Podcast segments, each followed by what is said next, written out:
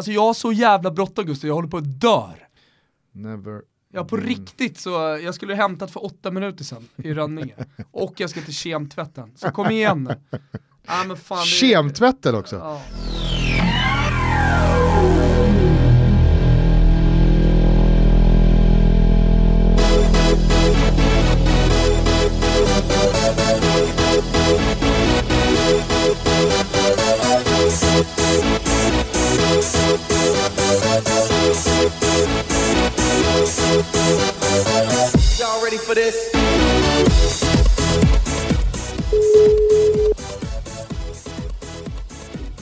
Ah. Ah, så typiskt italienare alltså. Vi ger oss inte. Nej. Det är typiskt svenskt. Ja, precis. Han är hemma och, han är hemma och amma som mamma. Nej, vet du vad jag är? Han är hemma hos mamma och hämtar tvätten. Som, som Jo man passar ju på, han passar ju på att ta sig slurp. Fy fan. Känslan är ju såklart att det finns alltid lite en skvätt, en skvätt lätt tjej i de där djuren. Ja. Så där kan det låta i alla fall när vi har lite roligt åt Mamone-gänget i Italien. Vi brukar ju ibland basha dem, det är kul. Ja, de är lätta att hoppa på faktiskt.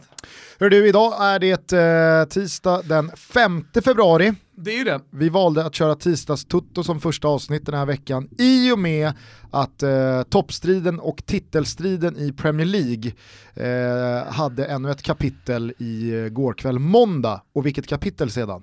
Ja, Andra raka poängtappet för Liverpool och nu är det så jävla spännande i den där toppen. Ja, du vet att jag har pratat om Liverpools titeltorka och eh, titeltörstande supportrar, inte minst då för ligatiteln som man inte har vunnit på. Hur länge då Gusten? Det är väl 90 senast som Glelle Hussein och gänget var där och 40 barre snart. Så att eh, det... det 40 bast snart, inte alls. Nej, 30 snart. Om du inte tycker 11 år sedan. Ö, 11 år är bara en liten detalj. Äh, Det kan vara en liten, liten minidetalj. Nej men 30 år. Nej, inte sen 90, det är nästan sen 40 90. år sedan. Det är snart. 29 år sedan. För 10 år går väldigt fort nu för tiden, det ska man ha klart för sig. Speciellt när man börjar kolla på liksom, miljön och vad, som är, vad liksom, jorden är på väg någonstans. Rent miljömässigt, då känns 10 år som bara så här. Visst, visst. En droppe i havet höll jag på att säga. Det, vet, du, vet du vad Gustav? Nej, men du har pratat om Liverpools titeltörst Ja. och titeltorka. ja, jag har gjort det. Eh, nu, nu är ju du säkert inte alena om det i, i fotbollsvärlden, inte minst i sådana här sammanhang. Men följde du också kroppsspråket, Ja. eh, känslan som omgärdade den här sista 20 minuten igår borta mot West Ham när det alltså står 1-1. Ja, Liverpool har fått eh, ett eh, regelvidrigt 1-0 mål med sig, någon slags här, eh, det går jämnt ut efter eh, den uteblivna straffen mot Leicester. Men det var just den där liksom paniken, eh, rädslan, ängsligheten, de uppdragna axlarna. Shakiri kommer in, slår bort några bollar, vill inte ha bollen sen och folk ger bollen, ta den du istället, ta den du. Salah, gör något, kom igen. Och Klopp står bara och skriker, fan det måste vara så... Ja, men problemet är ju att vi är i februari Gusten. Alltså, hur kommer det se ut då i slutet av april när Manchester City bara ångar på? Stort självförtroende, har redan en titel i ryggen och jag tror faktiskt rent mentalt att det är väldigt lite som kan röra Manchester City-spelarna. Däremot, i ligan, däremot så tror jag att eh, Manchester City i något läge i Champions League skulle kunna drabbas av någon slags här, mentalt breakdown också. Eh, I och med att det är så viktigt för dem. Ja. Men, men det är klart att de här 30 åren av titel, eller ligatiteltorka kommer göra sig påminna på läktarna, i staden och således också liksom smyga sig in på spelarna och eh, det här laget och det kommer påverka dem. Så jag, jag tror att eh, Liverpool behöver 5, 6, 7 poäng när vi kommer in i april för, för att kunna palla med det här.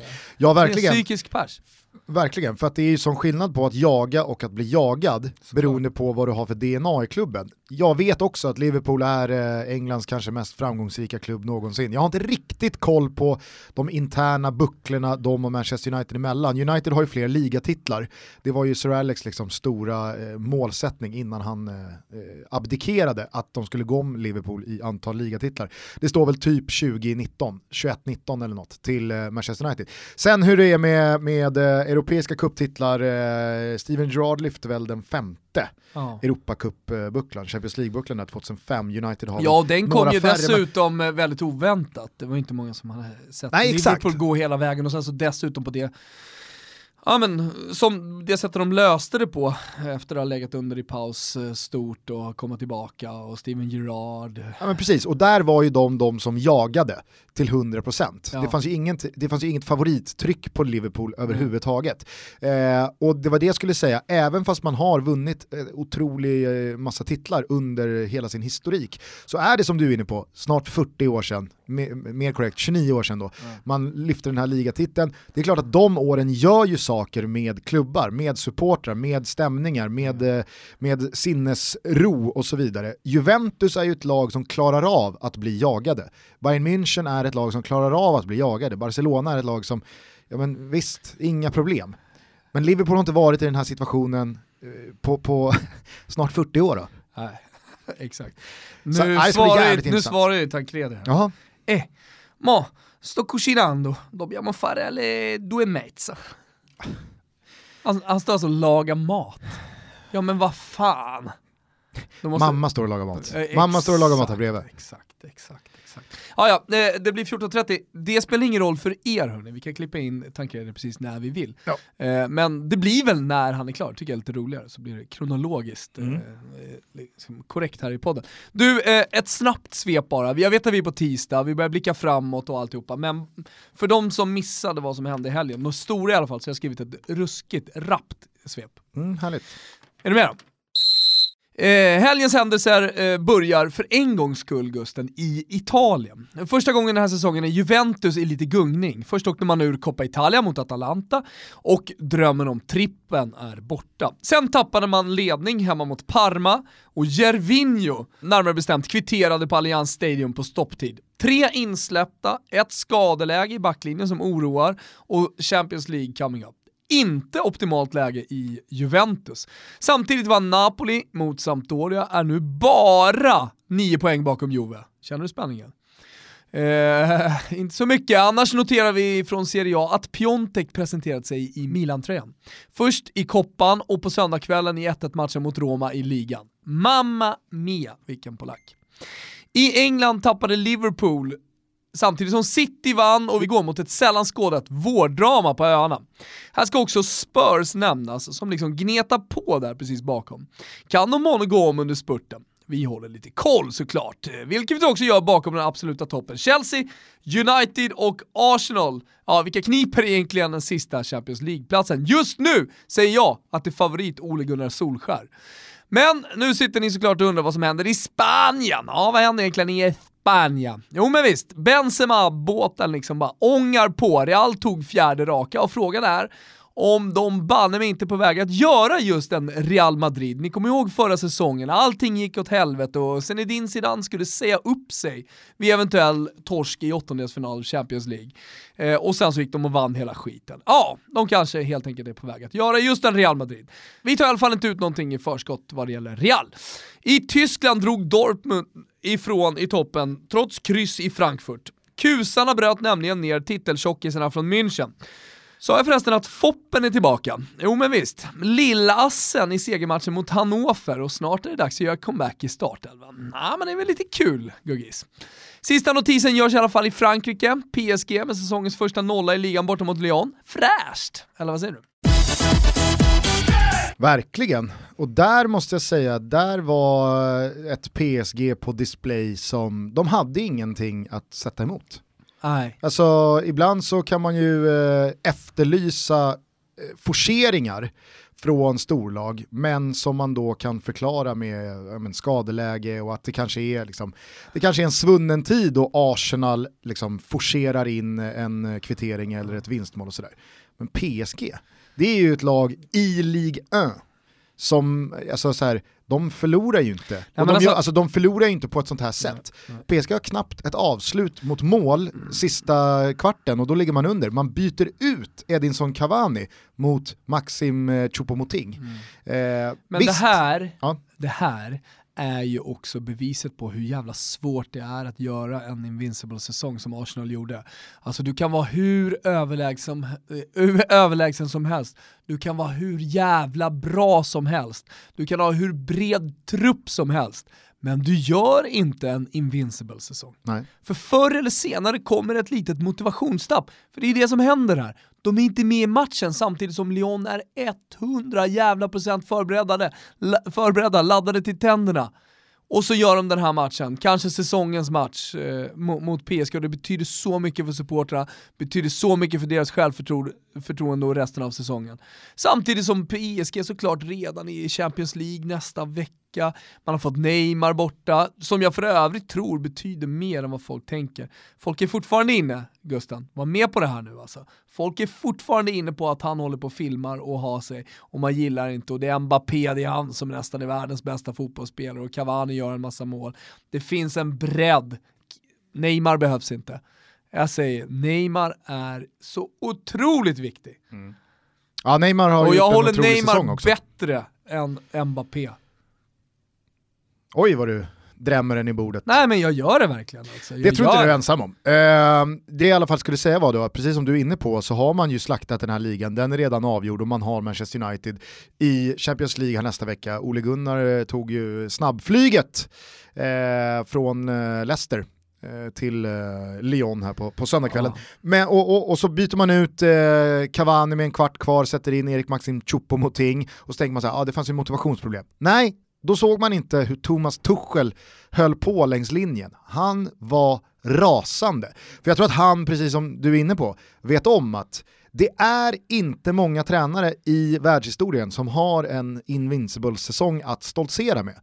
Eh, här hade han ett läge som förmodligen inte kommer komma igen Nej. så här långt in i säsongen.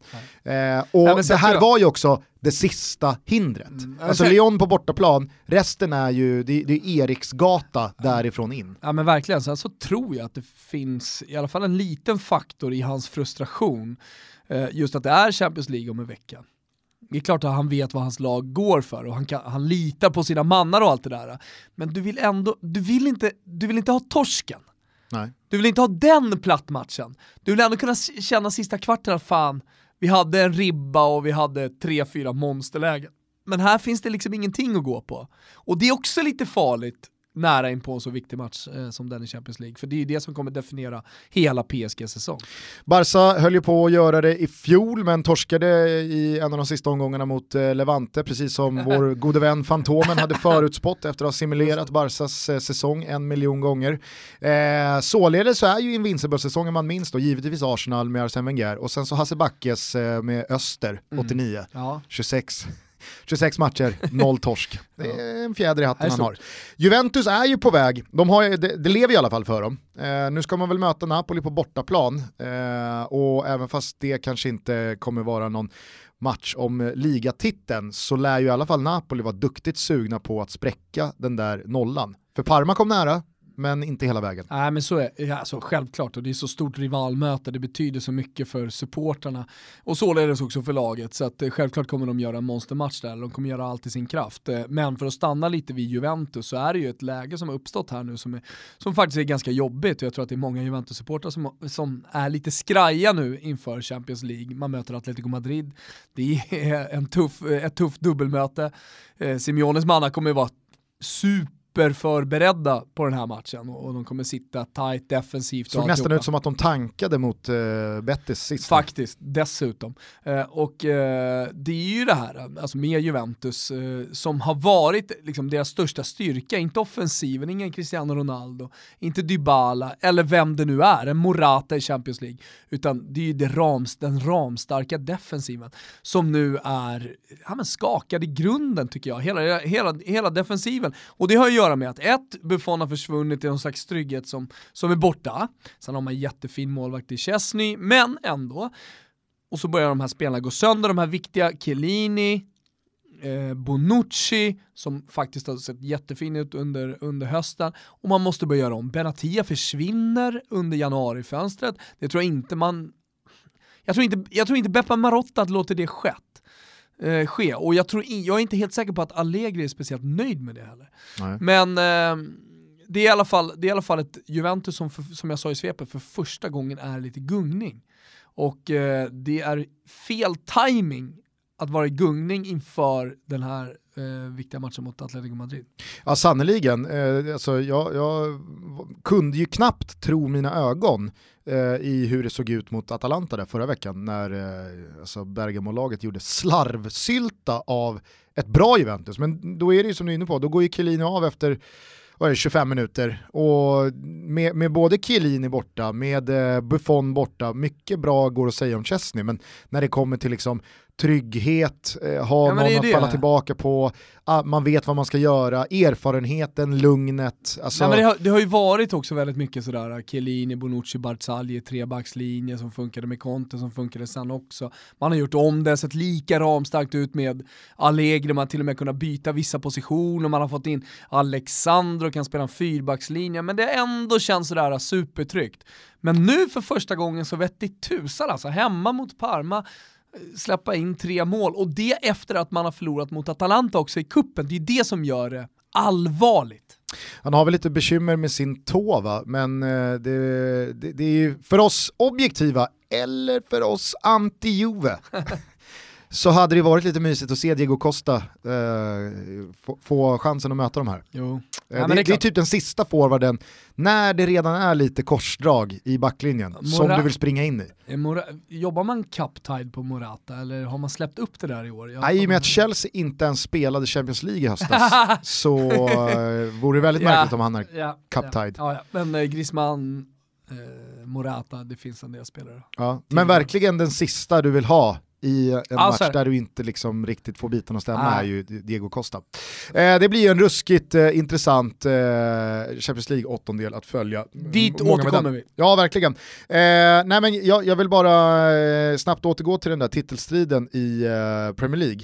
För att vi har ju, vi har ju misskrediterat Tottenham en hel del i de senaste avsnitten, med all rätt. Alltså, jag, jag, tycker, och jag vet att du skriver under på det också, att det är konstigt att man i det här skedet av säsongen så hårt håller på principerna och inte förstärker en trupp som är i desperat behov av den, eller av eh, förstärkningar. Men man har ju i alla fall tagit poängen, nu var det liksom återigen en repris av matchen mot Watford eh, när eh, Son återigen då sent avgör mot Newcastle, man tar de där tre poängen. Liverpool tappar två poäng igen, så att nu, alltså på eh, på en knapp vecka mm. så har Tottenham ätit sig fyra poäng närmre, inte bara City, utan Liverpool. Det är det som är så sjukt också. Alltså jag som satt här och kritiserade deras värvnings, eller deras uteblivna värvningar, eh, deras icke-strategi, eftersom att inte värvar något så kan man inte ha någon strategi, om inte det då är en strategi i sig. Men, eh, och sen så går man och, ändå lyckas lösa det här. En inställd spelning är också en spelning. Ja, okay då. Ja, men via Son och via Jorente och, och nu knappar man in. Alltså det är någon slags eh, toppstridskris kan jag tycka just nu i Premier League. Samtidigt som två titelchanser av fyra är redan borta, man åkte ur ligacupen, man åkte ur FA-cupen.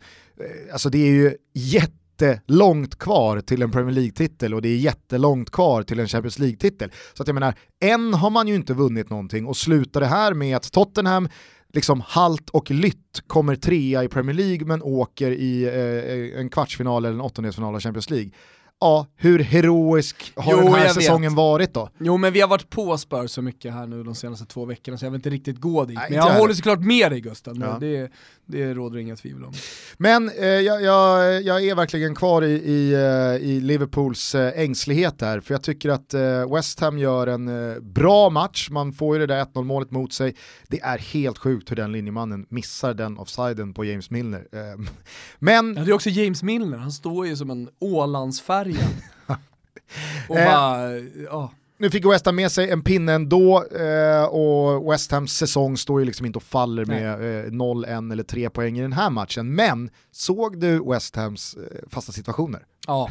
Alltså, vad är det för hjälptränare? som- ja. på uh, fasta situationer. Det är någon också är hjälptränare som har käkat något no, no piller och bara liksom went crazy Jo men i alla, tror teorirummet. att, när alla spelare tror att de ska gå hem och tror att de ska få gå och ta sin eftermiddagsfrukt, då säger han bara upp, upp, upp och sen så är det en timmes eh, fasta situationer med honom. Ja. Nej, och, och det, det, det betalades ju verkligen. Nu gör man ett mål, man har dunderläge på att göra både ett och två mål till på liksom frisparksvarianter, som du och jag är svaga för.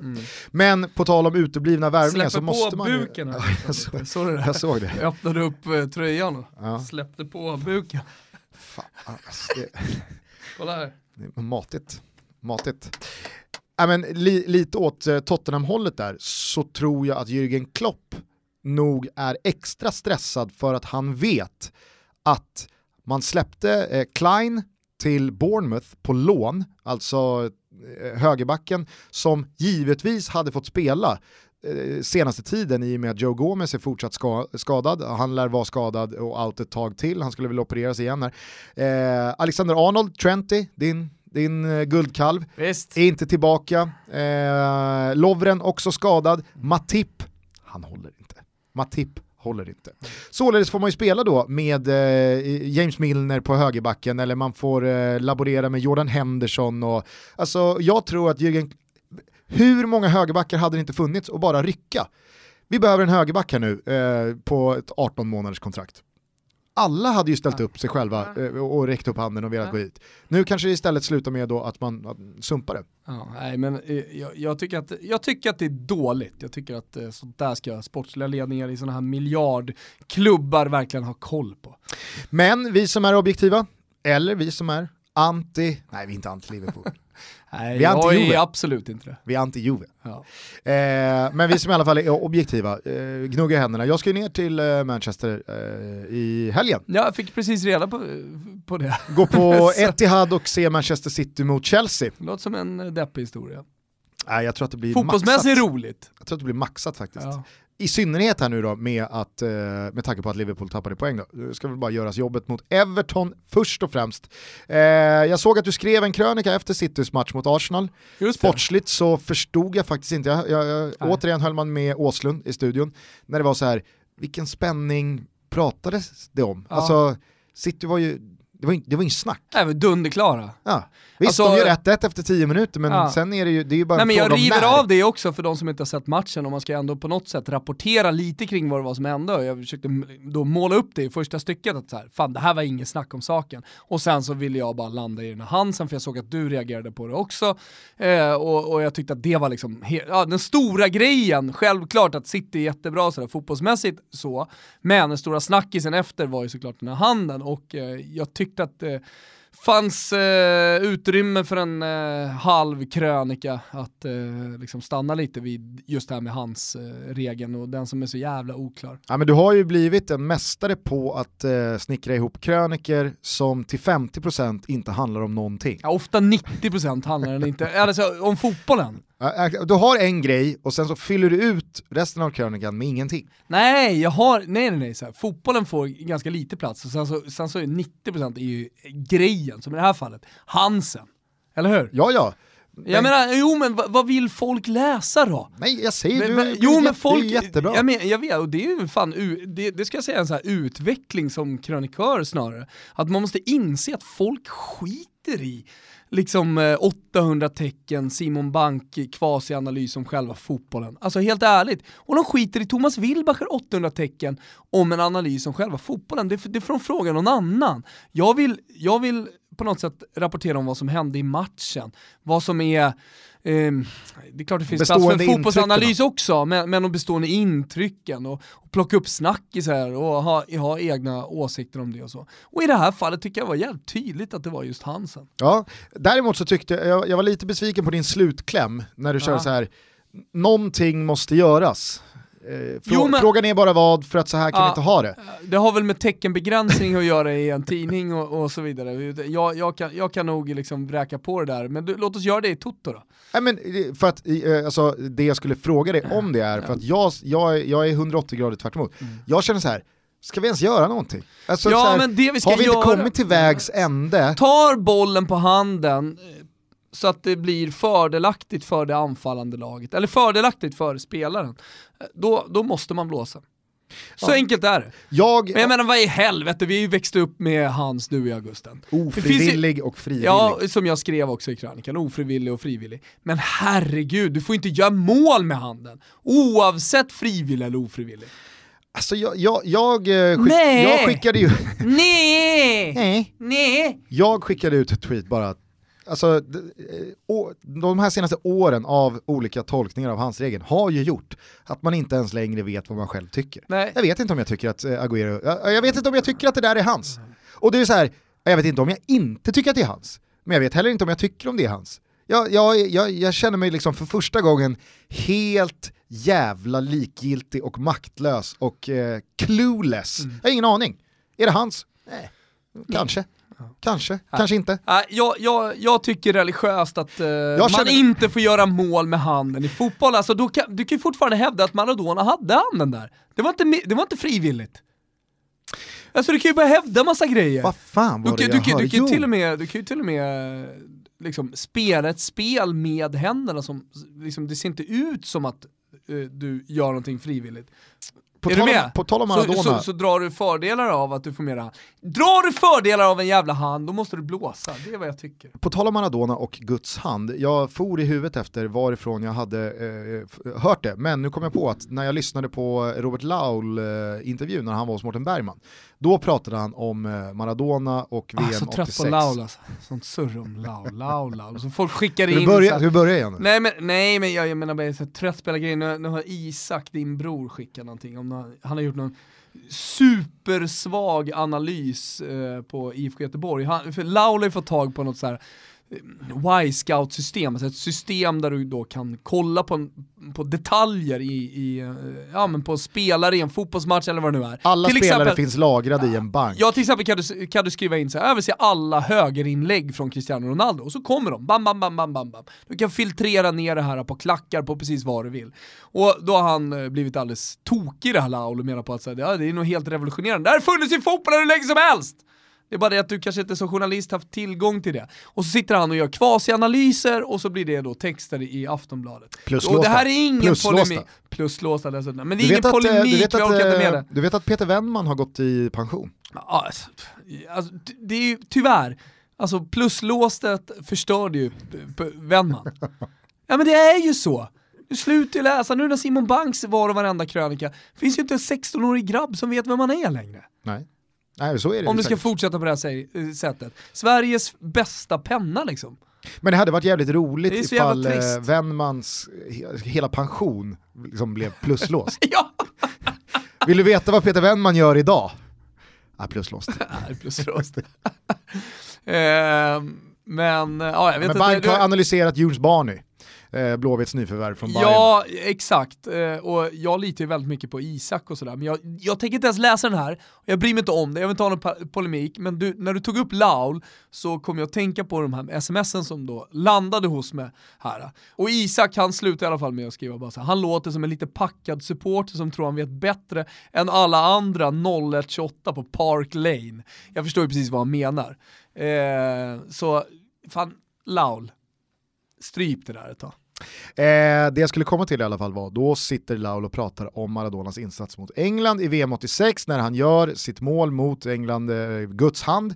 Då, då säger, eh, du får verifiera det här i och med att jag inte levde eh, på den här tiden, det är nästan 40 år sedan va?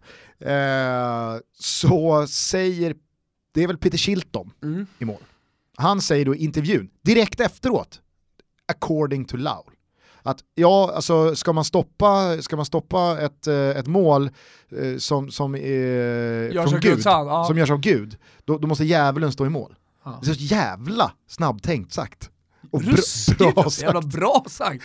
Det är liksom, eh, det är Wow. fil, filmiskt. Wow. Så att, sa han så direkt på vissla? Ja, det får ju någon kolla upp, men det är fantastiskt om det är så. Nej, det var så jävla bra alltså. Vad bra han är Laul som minns de här grejerna ändå. Mm. Fan man gillar honom. det jag i alla fall kan känna numera är på riktigt att så här, jag vet inte vad som är hans, jag vet inte vad som inte är hans, jag vet inte vad man ska göra åt det för att man har ju testat allting. Ta den på handen nitiskt så blåser man. Eh, vi bedömer avstånd, vi bedömer intention, vi bedömer naturliga eh, liksom, eh, rörelser. Det är, det är det största feltänket någonsin, för att ingen springer runt naturligt med armarna längs kroppen. Det är den mest Nej. onaturliga positionen att ha sina armar och händer som finns. Ja. Så att där är det fel liksom, i, Jo men det i vad man pratade vill vi om åt. med Stefan Andreasson när han var här ju. Johannesson. Johannesson menar jag. Ouch. Ouch. Eh. Stefan Johannesson när han var här, Mm. just om man ska stå där med händerna längs kroppen. Ja. Och han menar ju på att nej det, det ska man absolut inte behöva göra. Å andra sidan så, så underlättar ju det för oss. Exakt. Så jag menar, så här, jag förstår ju ändå förs försvarare som gör det. För jag menar, finns ju en lite större sannolikhet att vi blåser för en straff eller en farlig frispark om Ja. man har händerna ut. Och det är liksom ingen Så som att- kör ett ljushopp uppåt i luften Nej. med armarna längs Men sidan ska egentligen som du mitt- säger, logiskt så borde man inte liksom stå där med händerna. Det är ju det mest det- det är ju det mest onaturliga onaturliga. Jag håller med. eh, jag som, håller med. som, som finns. Så att, jag men vet samtidigt inte, jag förstår jag alla som gör det, för man vill inte ge den lilla, ens halmstrå till domaren. Det jag har kommit fram till i alla fall, och jag brukar få en hel del kritik för mina utläggningar när det kommer till domslut, inte minst då, då av Stefan Johannesson själv. Eh, jag vet att eh, det, det är jättemånga som har hört av sig angående det här Kevin De Bruyne-målet som vi pratade om förra veckan. Eh, tydligen så visade domaren då pipan åt Kevin De Kollade, Bruyne. jo men jag kollade ju på den här videon när folk då menar på att han visar tydligt och han säger tydligt sånt där. Alltså Kevin De Bruyne står ju och blickar inåt och är redo att skjuta den där frisparken. Han hör inte ett ord av vad domaren Nej. säger. Alltså, folk som menar på att han tydligt står och håller den framför, det gör han inte alls det. Det är ju fucking bullshit. Jamie Carragher spottar inte alls en tjej i ansiktet. Kolla här. Alltså, alltså, Ja, det är underbara som hör våra av er. lyssnare med de här. tappat det helt. Alltså. Eh, Klart man inte ska få ett gult kort för den där frisparken, det är idiotiskt. Nej men, eh, men jag tröskar på, jag vill ju tro att jag har ett sånt jävla öga för Ja. eh, eh, fotbollsreglerna. Så att, men, men, men det är därför det är så, eh, liksom, nu har vi nått en punkt Ja. när det kommer till hans, där jag känner så här, nej, det finns ingenting, det finns ingen åtgärd att lösa den här frågan. Jo, det finns det visst. Nej det gör det inte. Jo, var hårdare. Men vadå var Var hårdare? betydligt hårdare. Blås fler hands. Men då står ju spelarna snart som i La Liga för några år sedan och liksom siktar på händerna. Ja. Det, det, det, det, gick ju inte heller. Ja. Nej det gick inte. Nja. Så Men du får vara hårdare, du får ha lite feeling. Eller Ja, så, jag eller vet land- du vad? jag har landat Sätt i- mig och liksom lär upp alla domare. Sätt mig som någon slags VAR-domare på alla viktiga matcher. Så ska jag berätta om det är hans eller inte hans. Jag har landat mjukt i att numera så inväntar jag antingen en signal eller ingen signal och så blir det vad det blir. För jag tycker att det bästa förslaget, det är ofrivillig och frivillig hands. Det är Ja. liksom så här: bring Ja, that shit exakt. back. Och den som är bäst att bedöma det, det är jag. Ja. Vi är denna vecka sponsrade av Seat Stockholm. Varmt välkomna tillbaka Seat Stockholm. Ja, varmt, varmt, precis. varmt, varmt, varmt, varmt, varmt välkomna tillbaka. Och snart Thomas, säger vi välkommen till den nya SUVen. Taracco. Nej men sluta. Är det, är det ny sub på gång till Seat? En ny SUV är på väg in i Seats stall, den heter Taracco och den kommer i mars och via seatstockholm.se, Seat Stilm, alltså Mm, så som ja, just det. Stockholm förkortas. Där kan man boka provkörning va. Taracco vet du, sjusitsig. Ah, ja, Oj oj oj. oj. det är inga dåliga grejer på gång här. Seat är det snabbast växande bilmärket i Sverige. Så är det. Du och jag kan dessutom vittna om att eh, deras dealar på privatleasing är jävligt bra Ja. och smärtfria. Ja men det är de, alltså det är bra, det är bra bilar. Vi har själva åkt eh, Seat-bilar under sommaren, det minns säkert många av våra lyssnare. Jättefina bilar eh, och dessutom eh, otroligt prisvärt. Så att paketet, hela Seat-paketet är någonting som man verkligen ska ta del av. Och nu när det dessutom kommer en SUV, ja men gå in på seatstockholm.se och eh, klicka runt. Boka en provkörning för tusan! Hörni, eh, följ Seat Stockholm också på Instagram. Där heter de i ett ord eh, Seat Stockholm, Seat Stilm. Mm. Eh, där kommer det mer information och nyheter, men jag tycker att är det någonting ni ska bära med er från den här lilla spotten, då är det att se att det är ett jävla superbilmärke. Så är det! Välkomna tillbaka ner i Toto Balutto-båten. Vi ser fram emot supersuven Taracco och sen så... Uh, ser vi fram emot ett möte också med Top Dog Micke. Ja, så är det. Ja, men vi ser givetvis också uh, fram emot uh, att lite senare under den här kampanjen då, presentera ett riktigt härligt litet erbjudande åt Toto-lyssnarna. Det, det kommer, det kommer. Tack Seat Stockholm. Tack. Vet du vad jag är lite frustrerad kring? Nej, berätta. det här är ju så att säga minerad mark och tunn is. Mm. Eh, var det förra veckan? Kan det ha varit två veckor sedan? Jag vet inte. Kim Källström gjorde ju sitt eh, liksom, huvudlösa utspel om eh, att man inte ska tro på allt man, eh, man läser i media om eh, hur saker och ting går till i Qatar i bygget här inför fotbolls-VM och körde ju någon slags här, ja men köpt eh, ambassadörroll, eh, blev ju en eh, otrolig backlash på det. Eh, här pratade vi om det, Bank gick ut och det var ju starkt i och med att de står tillsammans i Europa League-studion eh, många torsdagar per år. Och Ekvall körde ju en tung eh, krönika och äh, många som gick hårt åt Kim. Han gjorde väl en pudel också och backade ja, från det. Ganska svag pudel men den gjordes, ja. Mm. Nej, men, eh, det, jag nu ska, det jag nu ska säga eh, kan då vid liksom första anblick tyckas vara lite åt Kim Källström-hållet. Alltså, Okej, en... Okay. jag blir eventuellt Kim Källström här. Fan vad spännande, ja. vad kul. Eh, det jag inte tänker liksom... Vilka är det som kommer reagera? Vad då reagera? Nej men vilka kommer reagera nu? Nej men det är väl hela, hela liksom, eh, moralens väktare. Okay. Den brigaden är ju ganska manstark. Ja, får man säga. Ja, får man säga. Inte minst på sociala medier. Nej, men det bör... Ska du gå hårt åt damfotbollen? Nej, nej, herregud. okay, okay. Nej, men det, bör, det börjar faktiskt eh, stå mig lite upp i halsen. Eh, de här eh, eh liksom, åsikterna och hemskheterna som man skickar mot både sin egen klubb, och många andras klubbar också, för att man lägger ett träningsläger i en eh, nation eller en stat som inte är rumsren. Ja. Jag, jag, jag, jag, kan bara känna liksom så att visst finns det en jävla massa skit med Dubai och Saudiarabien avhandlade vi här och landslaget var i Qatar. Och... Ja, med Emiraten och så har ja. vi Turkiet. Och jag menar och Turkiet vi... är för alla oss som någon gång har sysslat med eh, fotbollsverksamhet och inte minst då, då eh, seniorverksamhet där man ska bedriva träningsläger. Mm. Vi alla vet vilken enorm prisskillnad det är på Turkiet jämfört med 95% av alla andra resmål för att bedriva träningsläger inom en rimlig både eh, tid och kostnadszon.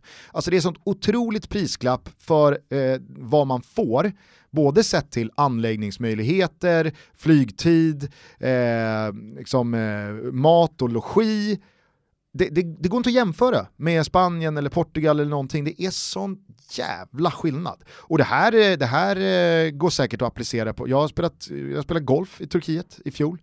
Skulle jag få samma liksom, meny, samma nota eh, i Spanien eller Portugal eller något annat land som då ja, faller in ja, under ja. kategorin vad som är ett kvalificerat land för att man får åka och spela golf i. Alltså det, det är tio men, gånger dyrare. Ja, men. Nej, men då, då, såg jag bara en tweet igår från en Örgryte-supporter. För nu ÖIS ska på träningsläger i Turkiet. Aha. Och då skriver den här personen att eh, nej, det här, det här är liksom, det här är droppen. Det, det här är, fy fan Örgryte.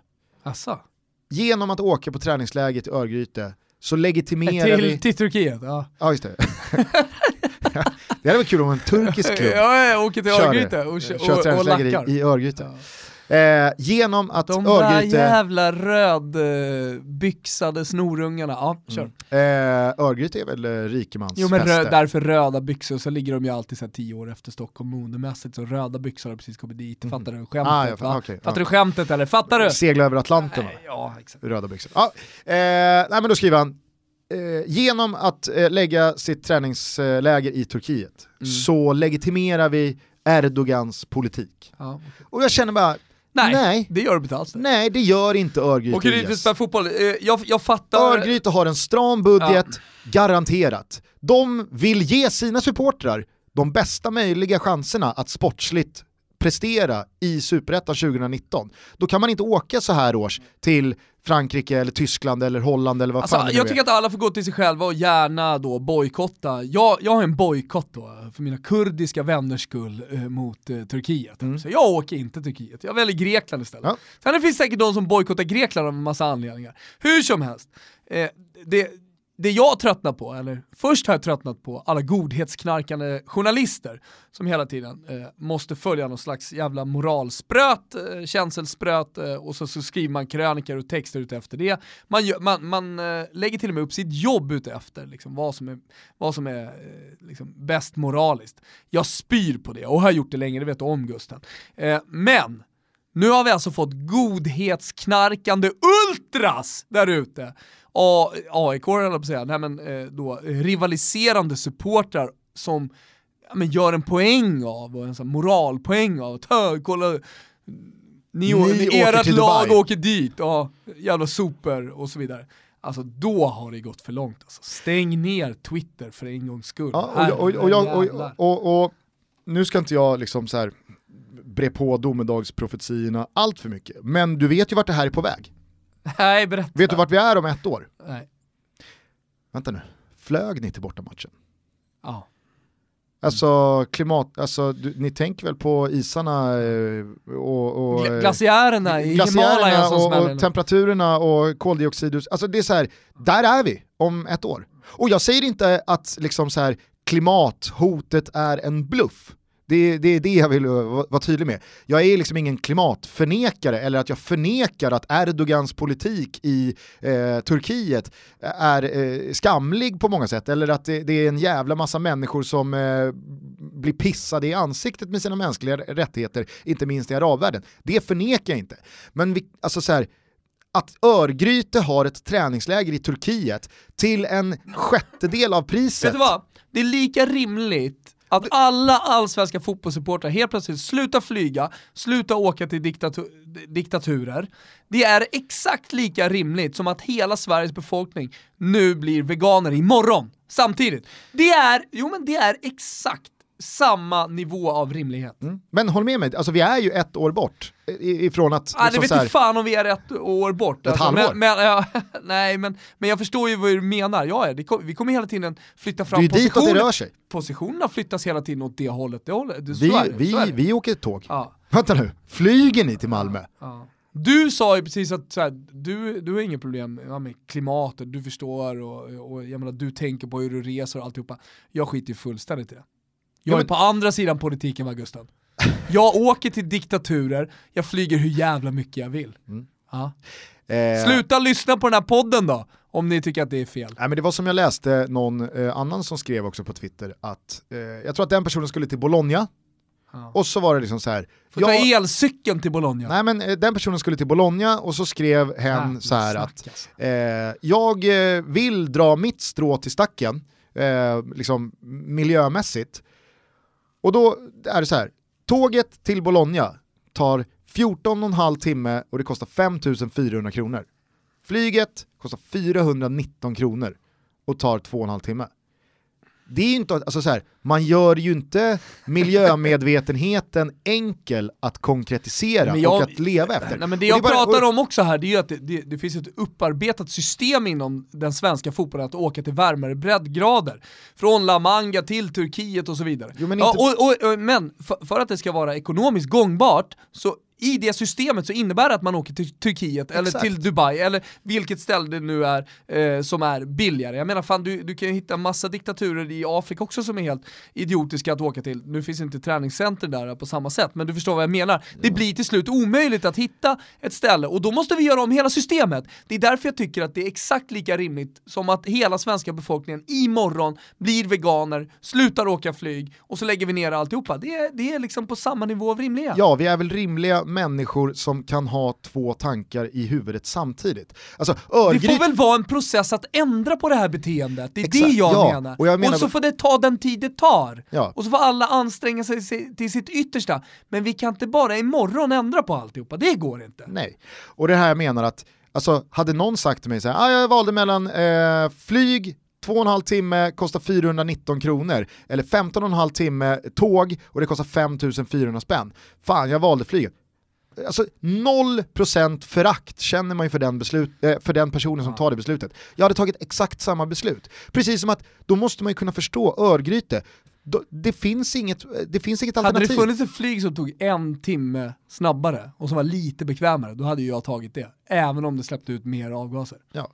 Och, och, och det är det här jag menar att Örgryte legitimerar inte Erdogans politik genom att lägga sitt träningsläger Om i Turkiet. 50 år lever jag ändå inte.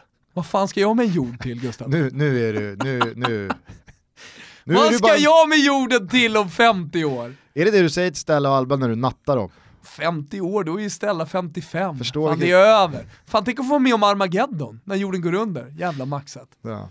Ja, alltså så här, jag, jag, jag vet att det, det, det, är, det är moraliskt minerad mark där, men jag, jag känner bara så här: nej, vi, vi, vi måste fan börja andas lite. Godhetsknarkande ultras. Örgryte. Örgryte måste få åka på träningsläger till Turkiet utan att det ska bli någon jävla häxjakt på liksom någon, någon Point taken Gusten! Och så ska vi inte bli mer politiska i Toto. Men eh, får jag bara, alltså så här, eh, eh, du, du brukar ju kunna kika i, i spåkulan. Ja. Hur många år är vi bort då innan vi börjar kasta skit på varandra för att liksom, lagen flyger till bortamatcherna? Är det två år? Jag skulle säga att vi är, eh, vi är nog fem år bort. Innan Fem man börjar år? kritisera. Ja, och då tror jag också det börjar vända. Jag då, ty- jag då tror jag tycker alla den här, börjar eh, inse, då, ja, men då tror jag att alla börjar inse att fan, vi är nog inte på väg mot Armageddon. Så jävla farligt var det inte med de här glaciärerna på Hi- Himalaya. Och eh, ja, Grönland har tillräckligt mycket is för den här jorden att klara sig. Och den här extra temperaturen, den är nog, rätt den är nog bara lite nice. Ja. Ja. Alltså, jag säger eh, lönnmörda Kristoffer sa- Kviborg. Så det, det, det, det är hundra år. Vi I tjä- 100 år Jorden tjänar hundra år, ja. Det är möjligt. Jag såg Mad Max som är en sån dystopisk framtidsfilm väl någonstans i grunden. Eh, Det finns inget vatten på jorden. Eller det finns det där vatten. är min Nej, det- absoluta hatgenre. Ja, jag hatar också det. Men jag satt och höll på med något så gick den samtidigt så fascinerades jag av hur dåligt allting var. Och det blev bara sämre och sämre och sämre. Så jag, jag vet inte, jag fastnade på något konstigt jävla vis i den filmen. Men, men det ska ju då vara någon slags framtid, att det finns något vatten, att det är öken och alltihopa. Jag kunde ändå känna så här, mäktigt att vara med om det där då. Lidelsen. Ja. Känner att på väg att gå åt helvete. Böldpesten kommer tillbaka. Jag känner ju ofta så. Fan jag hade velat leva på medeltiden. När böldpesten fanns. Jo. Fatta att vara en... Ja, Att fatta det att var bo i- ultras då? Ja exakt, verkligen. Ja, men, ja, men tänk, dig, tänk dig att bo i Siena på 1400-talet. Då tar liksom, alla män över 12 bast ska ut och marschera mot, i krig mot Florens. Och de ska marschera genom snårskog i värmen, det är luftfuktigheten är liksom 120%. Samtidigt så då kvinnor och barn lämnas i Siena. Samtidigt som böldpesten är liksom precis på väg att eh, ta över staden. 80% av alla män dör i det här slaget, Siena vinner. Men eh, det, det, de kommer ju tillbaka till pesten så att de som är kvar tar ju pesten. Fattar du att leva då va Gusten? Ja, det, låter, det låter inte så Först kul. har du sett alla, åtta av tio av dina bästa vänner har dött i krig. De andra två, inklusive dig själv, kanske har du tur så överlever du, dör i böldpesten när de kommer tillbaka. Mm. Och det gör också dina barn och din fru. Ja, lite andra jävla tider då. Sitter vi och klagar om en grad lite för varmt. Sitter vi och klagar på att Örgryte Ja, Ör- tränings, träningslägrar i Antalya? Alltså, vi, har, för- vi, vi har en förskyddad verksamhet här i Sverige. Vi har det för bra. Va? Vi har, det för Vi bra måste så vi börjar gnälla. Ja, exakt, vi måste, börja, vi måste börja hitta grejer att gnälla på.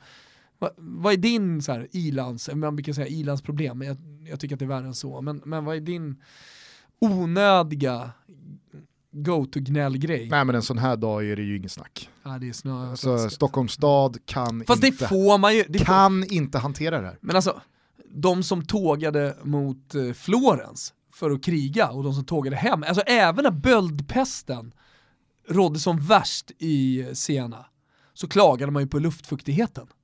Fan 120% luft, fan det hade varit skönt om det var lite svalare. Så jag menar så här, väder, det, det får man ändå gnälla på. Det Ja. gjorde man även på medeltiden. Hörni, medan vi väntar på att eh, Tancredi Palmeri ska äta upp eh, där nere i Italien så kan vi väl passa på att eh, tacka eh, våra kära vänner borta hos Betsson. Ja, Eh, du och jag ska sätta ihop en liten vårlångtidare vad gäller Champions League. Nu drar ju eh, slutspelet igång här nästa vecka. Jag tycker, jag tycker att på alla de här långtiderna, oavsett om det har varit VM eller det har varit säsong, jag vann ju på min förra, eh, förra säsongs eh, Italien-trippel långtidare och jag tycker att vi har varit rätt på det med säsongens tripplar också. Mm. Ehm, så det är någonting att se fram emot, det är dit jag ville komma med de här Champions League-tripplarna. Ja. Ja, jag, jag hänger med med min eh, italienska. Det är bara det att eh, Lulic och eh, Stefan Radu, Måste börja ta röda. Ja, men, men- tog inte Rado ett rött nu? nej. Jo. eller igår mot Frossarna. Nej, men nyligen. Helt säker på att han tog ett rött nyligen. Jag tror inte, kan det ha varit, nej det var i kuppen. Ja, kan ha varit kuppen. Mot Fan Inter. Också. Ja. Ja, eh, men det har ju gått lite för bra för Lazio. Jag trodde ju att eh, Lazio skulle eh, gå betydligt sämre den här säsongen. Men Quagliarella håller ju ställningarna i skytteligatoppen och eh, Kevo är väl så gott som degraderade. Mm. Eh, hur som helst, eh, snart kommer det en eh, Champions League-långtidare under våren här, eh, borta hos Betsson. Men i eh, samma andetag så tycker jag att vi ska puffa för Destination Europa, som eh, vår gode vän Kristoffer Svanemar gör då eh, presenterade av Betsson. Ja, nu, Vi kikade precis på det nya, väldigt upphypade avsnittet eh, Feyenoord mot Ajax. ja, otroligt, vilken stämning och det är ju en rivalitet som man har känt till, men jag har i alla fall inte har sett på så här nära håll. Jag har inte, jag har inte varit där själv och inte sett något program, alltså någon ta upp den här rivaliteten på det här sättet. Det har funnits texter och sådär som jag inte riktigt har tagit del av. Eh, men jäklar vilka 15 minuter det var och jag rekommenderar verkligen, eller vi rekommenderar verkligen alla att, eh, att kolla på det här. Följ Svanemar eller Destination Europa på sociala medier så hittar ni YouTube-länken till det här programmet. Man eh, gillar ju eh, The Cape, arenan. Som Eh, de inte kallar det köj. Nej, det. eller Ja. något sånt där. Eh, hur som helst så beskrev då eh, supporten som Svanen träffar eh, det som en poor man stadium. Den är Mm. byggd helt och hållet i stål. Det gillar man ju. Ja, den beskrivningen gillar man. Det man däremot inte gillar, det var ju det vi eh, tog upp här eh, för en tio dagar sedan, eh, strax efter den här matchen hade spelats. Antisemitismen som eh, Feyenoord, eh, Feyenoord-delen Ja, de är- av, av, den här, av den här rivaliteten eh, står för. Men det här handlar om De är Palestina-konflikten. Precis, de är på pal palestiniernas sida och Mm. det, det är det som är eh, liksom den stora rivaliteten här. Det är inte så att Eftersom det blåser högervindar i supporterkulturen genom Europa, via Polen ner till Italien och säkerligen också bort till, bort till Holland. Storm i Polen. Ja, i, i Polen är det onekligen storm. Så har det här inte att göra med några högerpopulistiska liksom, åsikter, utan detta är alltså vänstervridna Feyenoord-supportrar som står på palestiniernas sida. Och därpå då eh, ett hat mot Israel. Det, det jag skulle landa i var bara att det, det fick mig att minnas när vi skulle köra projektarbete i gymnasiet. Och eh, jag gjorde ett eh, specialarbete.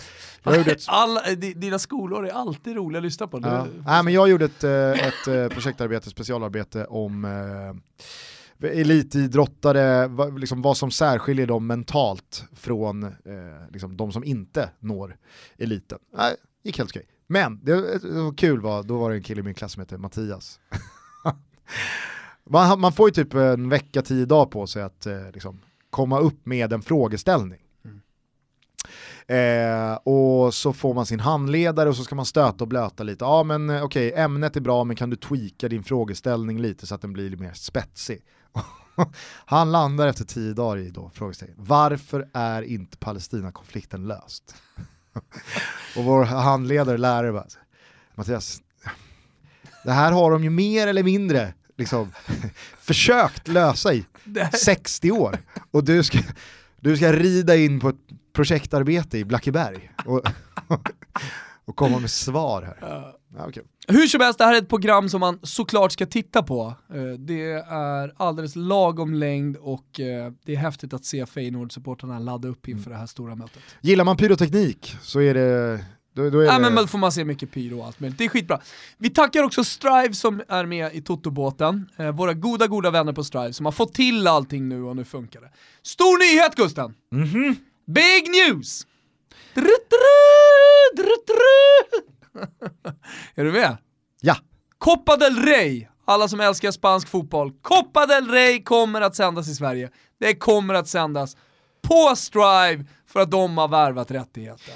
Och det är inte vilken semifinal som helst. Nej, det är El Clasico. Det är eh, Barcelona mot Real Madrid. Eh, det här blir ju såklart maxat och det börjar ju redan i dagarna. Ja, det är hemma borta och sen så har vi till eh, El Clasico som kommer så att vi får ju tre El Clasico på närtid här i Strivan-kanalerna. Husfeldt som kommentator toppar upp det, blir hur bra som helst. Du minns väl sist det begav sig? 2011 var det va? Mm. När det var, då möttes de ju i Champions League-semin. Eh, och så mitt emellan de matcherna så var det ligan.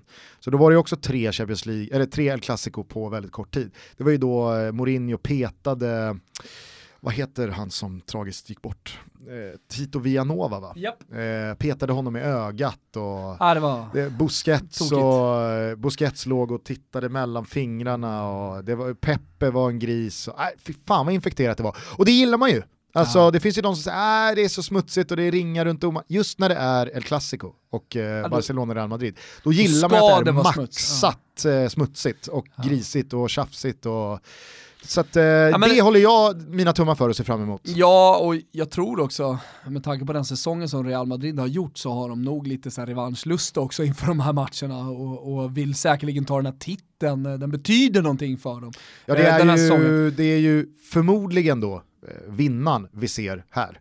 Ja, så är det. Så det är, väl eh, Valencia mot Betis va? Mm. i eh, den andra mm. eh, semin. Men då är det säkert många som tänker så här, jaha, hur ska jag få den här matchen? Kommer det kosta extra? Är det någon slags pay-per-view eller sådär? Nej, nej, nej, nej, nej. Ni går in på starsports.com och signar upp, eh, ni laddar ner appen och signar upp där. Kostar 79 spänn i månaden. Så får ni inte bara de här matcherna i Copa del Rey, utan ni får ju också hela La Liga, hela Serie A. Ni har ju hur jävla billigt det är, de har alltså bara adderat. Ja men det är för bra. Det är, ja men, eh, du hör ju, det här är bara en eh, regal, det är bara en gåva. Det är som Jens Gåvan Gustafsson, vet du varför han heter Jens Gåvan Gustafsson? Nej men jag har faktiskt undrat. Sköt ju upp dem från typ så division 1 eller om det var, ja 90-tal var det ju Gåvan Aha, Bayern. Bayern, ja. Bayern, Bayern, Bayern. Han sköt ju upp Bayern. Och det var ju då en, en gåva från Jensa, så han blev Gåvan Gustafsson. Jävla snyggt ju! Gåvan, jag lirade i samma lag som honom i FC Samper senast. Alltså, ruskigt samarbete mellan mig och Gåvan vet du. Tomma de var på framgång Bayern då. Gåvan sköt upp man ger, man ger någon ett smeknamn för ett avancemang upp. Ja. ja. Eh, han har ju blivit då, i, i FC Samp-kretsar så har han ju blivit Il Regalo.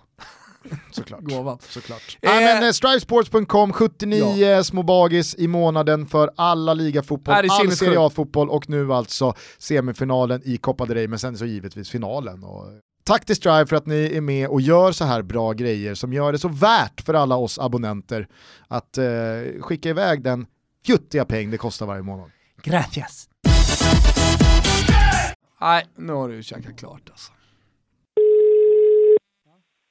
Pronto?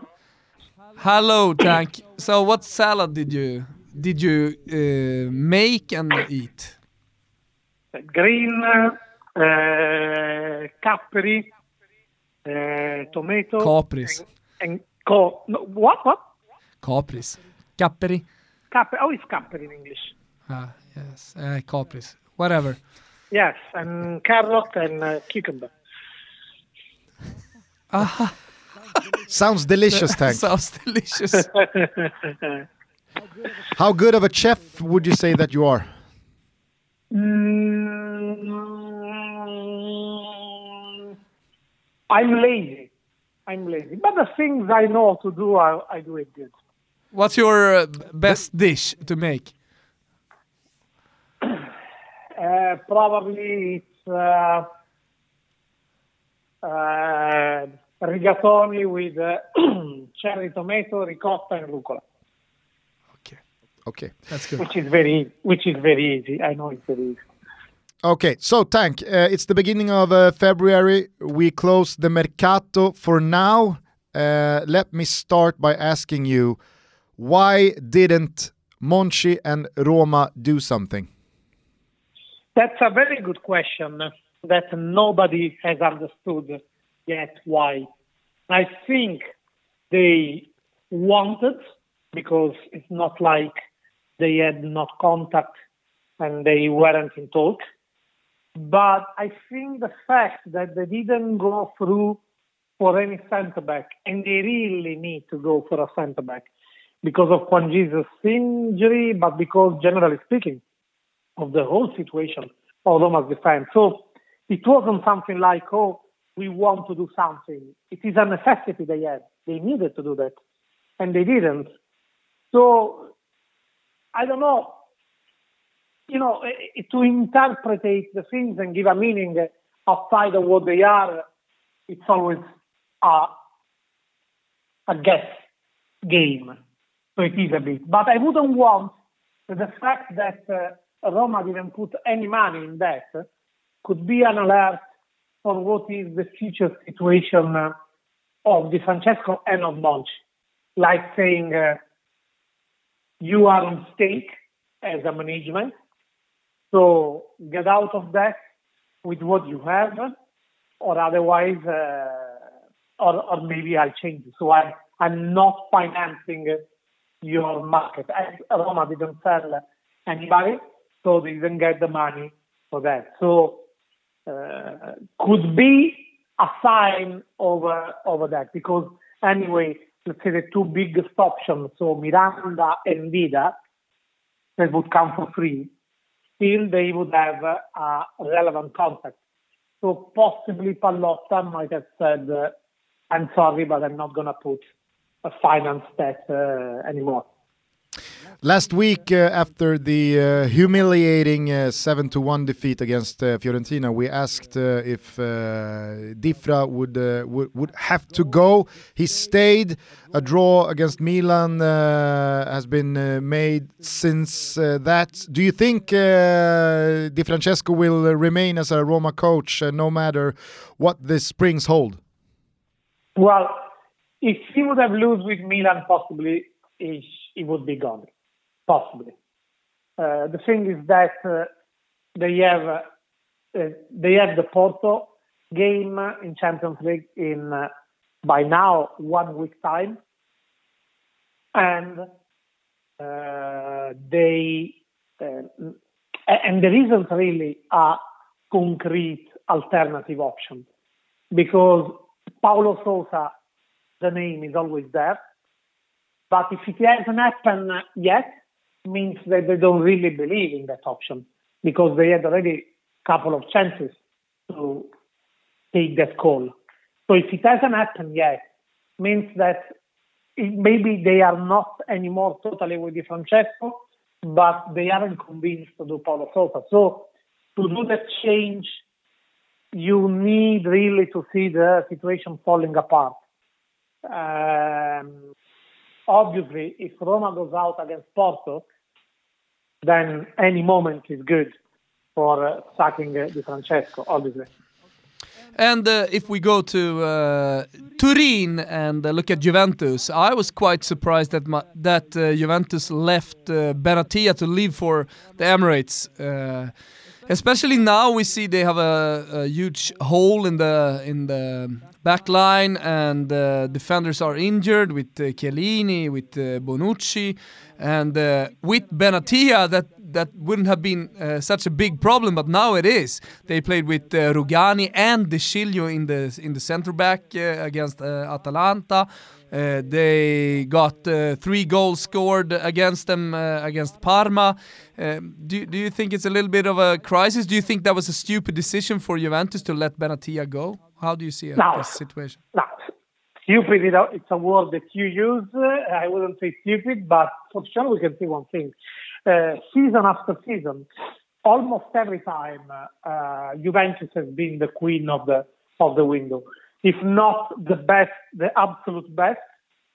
Anyway, it was always among the top two or top three. But aside that, even if someone like once Milan, once Inter were doing more timing, anyway, Juventus was never missing a beat. Juventus, all the decisions made sense. All the things make sense for the future or for the present. Everything was in place. Well, it's the first time that it's pretty unexplainable what Juventus did. Um, said that uh, possibly the situation is uh, less dangerous than it seems because all in all, Chiellini is staying out, I believe, more as a precaution because they know that uh, uh, Champions League is coming, so they don't want to risk. While Bonucci uh, should miss the first leg against Atletico, so situation is uh, less dangerous than that, but still, and oh, at the same time, everybody would like to be in Juventus situation because they have this hole, as you mentioned, but it's a hole on the bench, not in the starting 11, and all the other positions are double covered. But still, it was so easy to spot, and considering mm, they are coming season after season trying to do everything perfect to finally clinch the Champions League. So honestly, this thing is very easy to fix. It's unbelievable that they couldn't make it. Uh, Benat- they left Benatia, they left Benat- they let Benatia leave, and normally would not be a bad decision because Benatia has been completely unreliable since a year. So honestly, it was a liability everybody every time that he was playing. Uh, but except uh, Piontek to Milan and Muriel to uh, Fiorentina, uh, none of the top teams uh, made any big moves. Are you surprised? No, I'm not surprised because January usually it is like that. But honestly, I think you are forgetting also Paquetá to Milan as a big move because not only for the price, because it was 35 millions of euros, but also for the prospect, uh, perspective that uh, Paquetá is promising. I mean, uh, in my opinion, this guy, 21, was the best player of the Brazilian league. Um, and we saw in four games, he didn't feel at all the, uh, you know, the, the, the, that time that every player needs, especially when it's so young and coming from such a different. Uh, Yeah, he came into the he came into the team and he felt like he, he had played there for a while. Exactly. Totally adjusted since the beginning.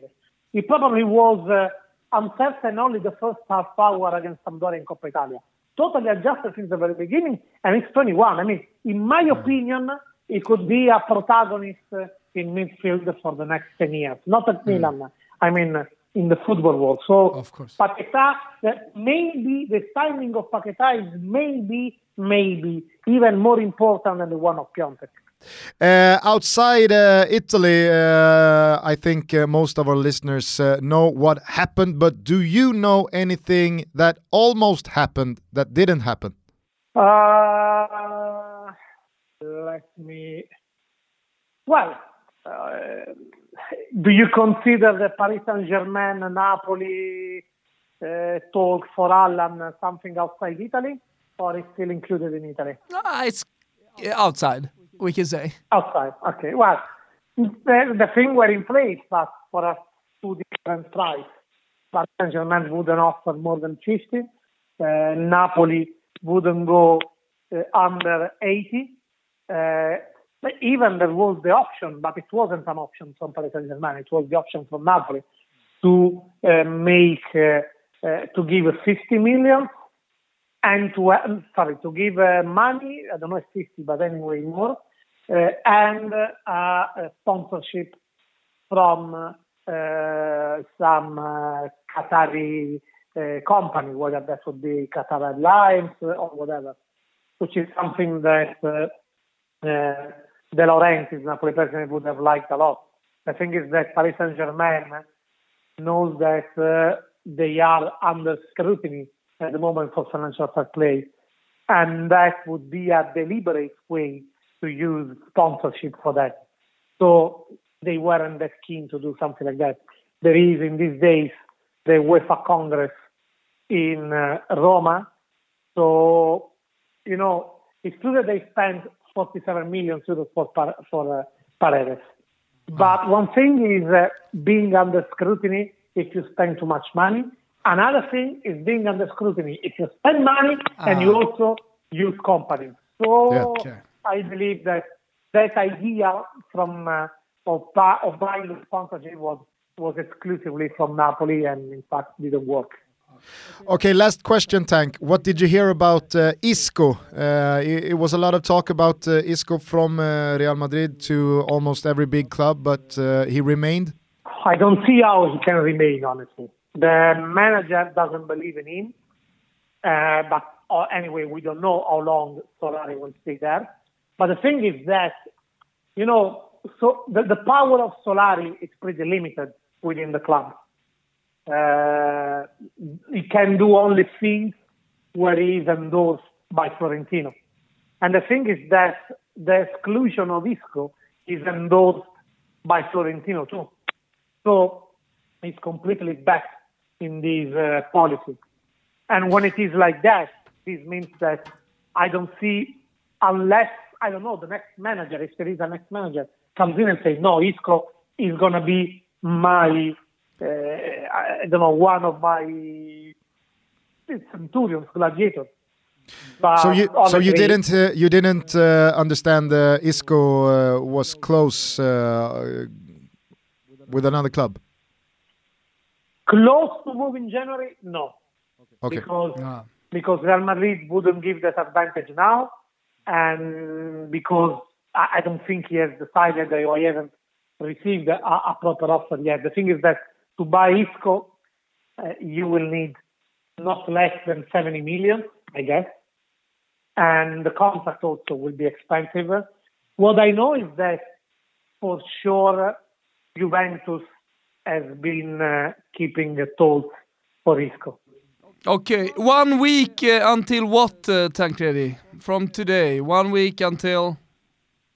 Uh, let me think. My my subscription to gym.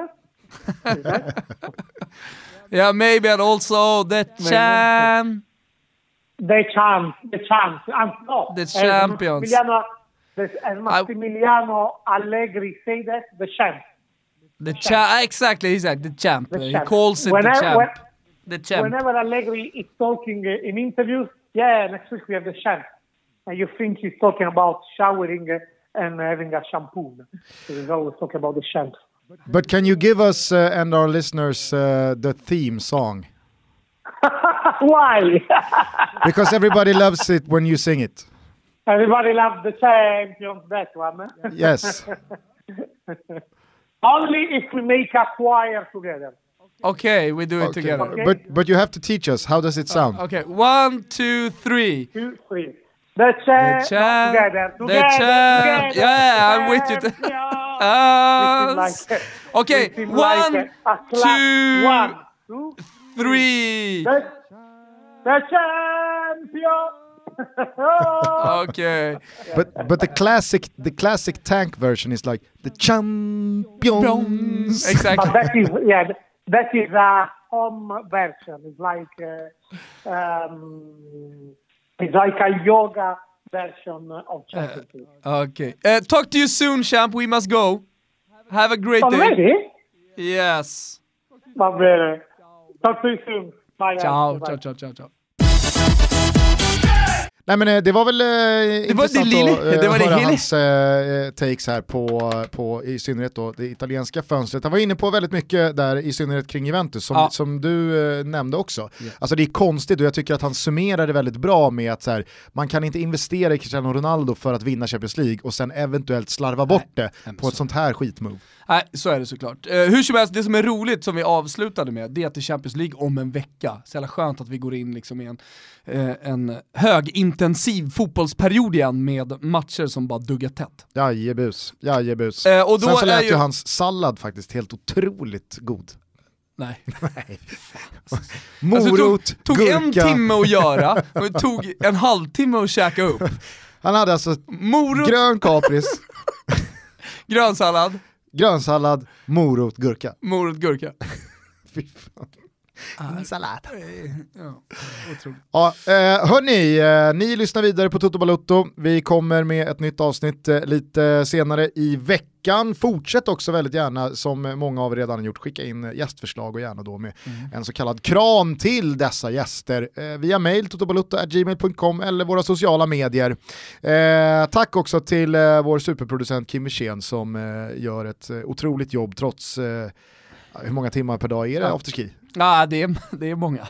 Det är- många. Så är det. Ändå får han ihop det. Och om bara några dagar, kanske någon vecka, så kommer också uppdateringar kring vår fantastiska fotbollscup som kommer gå av stapeln i sommar. Wow, wow, wow! Coppa Toto. Coppa Toto. Coppa Toto. Coppa Toto. Eh, kram på er, ciao tutti! Tack för att ni lyssnar. Ciao tutti! Un amico non c'è sta che me può consolare stasera. Ma attacco a sta città che si è addormita già da un'ora. Cammino su di lei, su strade uguali a pelle scura. Sì, poi se sveglierà, io certo non gli posso far paura. Roma nuda, scusa se perdo lacrime per strada, ma che vada, fa finta che so gocce di rugiada piuttosto che sta solo dentro al letto. Vado randaggio in qualche vicoletto. Cammino a piedi scarsi, almeno finché tarsi. Dormi e vedrai che manco me sentirai. Roma nuda. Non me vuoi dire no, sono disperato. Casa è vuota. C'era una donna che m'ha rovinato. Me basta sta così all'angoletto de sta strada. Chissà che a dormi qui domani o non mi inventi un'altra vita. Roma nuda.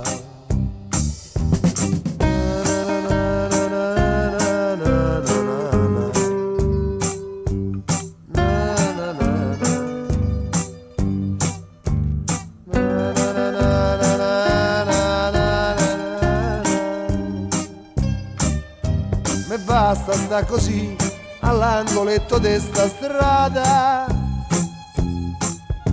Chissà che a qui domani o non mi inventi un'altra vita. Roma nuda. Roma nuda. Roma nuda.